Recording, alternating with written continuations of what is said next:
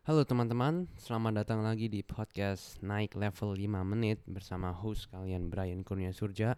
Dan hari ini gue ingin berbicara sedikit tentang satu protokol yang kalian bisa tambahkan ke fitness toolbox kalian Yang gue baru pelajarin dari fitness, health, and triathlon expert Ben Greenfield.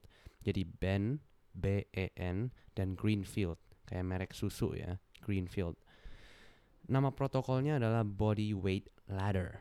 Jadi tangga body weight kalau lu translasikan dari bahasa Inggris ke bahasa Indonesia. Protokol ini mulai dengan tingkat kesulitan yang secara relatif rendah. Namun lama-lama kalian akan ditrik ke melakukan sesi latihan full body lama yang bisa bantu membangun stamina. Jadi beginilah jalan protokolnya. Mulailah dengan melakukan 5 jumping jacks, atau gerakan body weight eksplosif lainnya seperti burpees, lunge jumps, lompat tali, dan lain-lain. Setelah itu lu lakukan 5 push-ups atau gerakan body weight yang memakai bagian atas dari tubuh lu seperti pull-ups dan lain-lain. Setelah itu lu lakukan 5 body weight squats atau gerakan-gerakan body weight lainnya yang memakai bagian bawah dari tubuh lu seperti lunges, lateral lunges, dan lain-lain. Selanjutnya, setelah jadi kita akan sebut tiga gerakan yang baru lu perform itu sebagai satu ronde.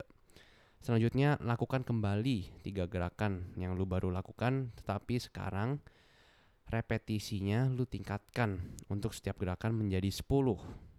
Jadi lu lakukan 10 jumping jacks, 10 push-ups dan 10 body weight squats.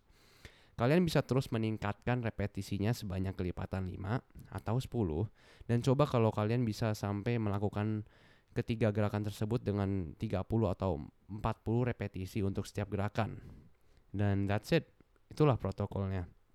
Kalian bisa lakukan protokol ini sebagai pemanasan sebelum memulai sesi latihan kalian gitu kan misalnya. Karena protokol ini mulai dengan tingkat kesulitan yang rendah dan perlahan-lahan makin sulit dan semua bagian lu juga kena gitu kan dilatih.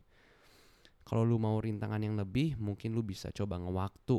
Um, ngewaktuin ya lu pasang stopwatch dan lihat kalau lu bisa melakukan ronde-ronde tersebut itu dengan recovery time yang minimal di antara ronde-ronde.